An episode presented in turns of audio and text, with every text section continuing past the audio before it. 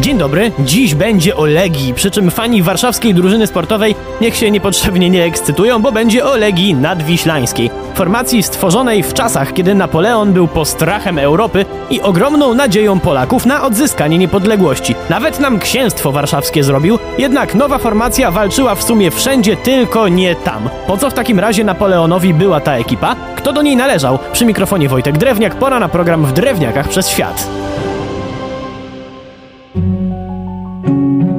Kiedy po zwycięstwie Napoleona nad Prusami i Austrią utworzono księstwo warszawskie, to radość była duża, ale szybko okazało się, że nie ma nic za darmo. Na przykład lwia część polskich wojskowych miała służyć pod bezpośrednimi rozkazami Francuzów. Czemu? Bo byli zbyt cenni na polu bitwy, żeby ich teraz Napoleon zwalniał, żeby tworzyli armię księstwa warszawskiego, która też powstać nie mogła, bo nie było pieniędzy. Też przez Napoleona. Niezły chaos, co? Już tłumaczę. Otóż pieniędzy na naszą ewentualną dużą armię nie było, bo gigantyczną część budżetu zjadało utrzymywanie w księstwie ogromnego francuskiego korpusu.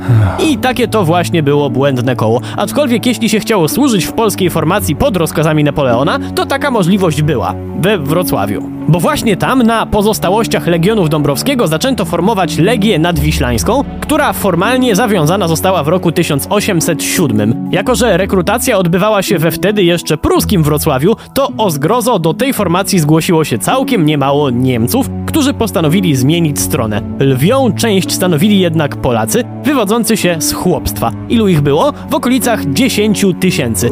Oczywiście cesarz Napoleon nie miał w zwyczaju robić rzeczy bez powodu i co do Legii Nadwiślańskiej miał bardzo konkretne plany. Miała mu pomóc w zapanowaniu nad zbuntowaną Hiszpanią. Swoją drogą z tymi Hiszpanami to też niezłe jaja, bo początkowo Francuzi nie planowali jej zdobywać. Problem mieli jedynie z Portugalią, która miała sztamę z Anglikami i trzeba ją było podbić. W pewnym momencie uznano jednak, że czemu przy okazji nie zgarnąć sobie Hiszpanii i była to jedna z najgłupszych decyzji nie tylko Napoleona, ale generalnie w dziejach.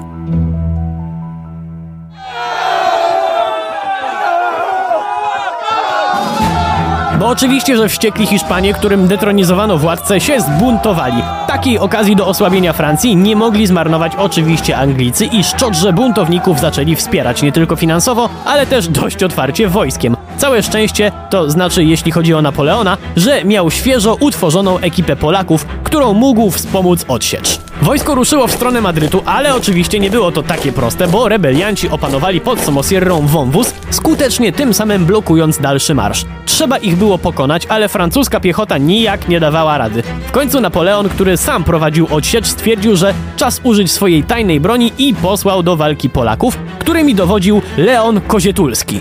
Jakim poszło? Znakomicie to mało powiedziane. Wybitnie. Oddział szwolażerów, swoją drogą należący do przybocznej jazdy cesarza, zmiótł Hiszpanów zdobywając nie większość, a wszystkie baterie, czyli takie umocnienia. Dobrze sobie Legia poradziła w debiucie, prawda? I tak i nie, bo ci żołnierze, którymi się teraz tak podniecami, formalnie do Legii Nadwiślańskiej nie należeli, ale pomyślałem, że nie wypadałoby tutaj nie wspomnieć o bitwie pod Somosierrą. Jednak i na chłopaków z Legii Nadwiślańskiej przyszedł czas, by sprawdzić się w boju z przodkami Sergio Ramosa. Gdzie? W Saragossie. To była jedna z najcięższych batalii, bo Hiszpanie, i proszę nie posądzać mnie o używanie stereotypów, bo mam naukowe podstawy, by potwierdzić te słowa, może i nie są to ludzie, którzy na co dzień przykładają ogromną uwagę do bycia dokładnym, ale jak przyjdzie co do czego, jak znajdą się w sytuacji poważnego zagrożenia, to potrafią się tak niesamowicie zmobilizować, że nie dość, że stają się niepojęcie precyzyjni, to jeszcze na czwarty plan schodzą jakieś tam ich wewnętrzne konflikty. Nikogo nie interesuje, kto kim był jeszcze tydzień temu, bo teraz trzeba walczyć razem i nie ma lepszego przykładu niż Saragossa, bo w obleganym mieście do odparcia ataku ramię w ramię przygotowywali się sklepikarze, wojskowi, lokalni bandyci, duchowni, którzy jeszcze dodatkowo patronką obrony mianowali Matkę Boską, którą ochrzcili Generalissima. Miasto było znakomicie przygotowane do obrony, ale to nie umocnienia były największym zagrożeniem dla atakujących, a 40 tysięcy zdesperowanych mieszkańców. Jak w tym wszystkim odnaleźli się Polacy, którzy tym samym znaleźli się w bardzo głupiej sytuacji, bo sami marzyli o odzyskaniu niepodległości, a teraz musieli stawić czoła ludziom, którym chce się ją odebrać. O tym i o kolejnych starciach Legii Nadwiślańskiej opowiem już jednak w naszym kolejnym spotkaniu. Przy mikrofonie był Wojtek Drewniak. Do usłyszenia.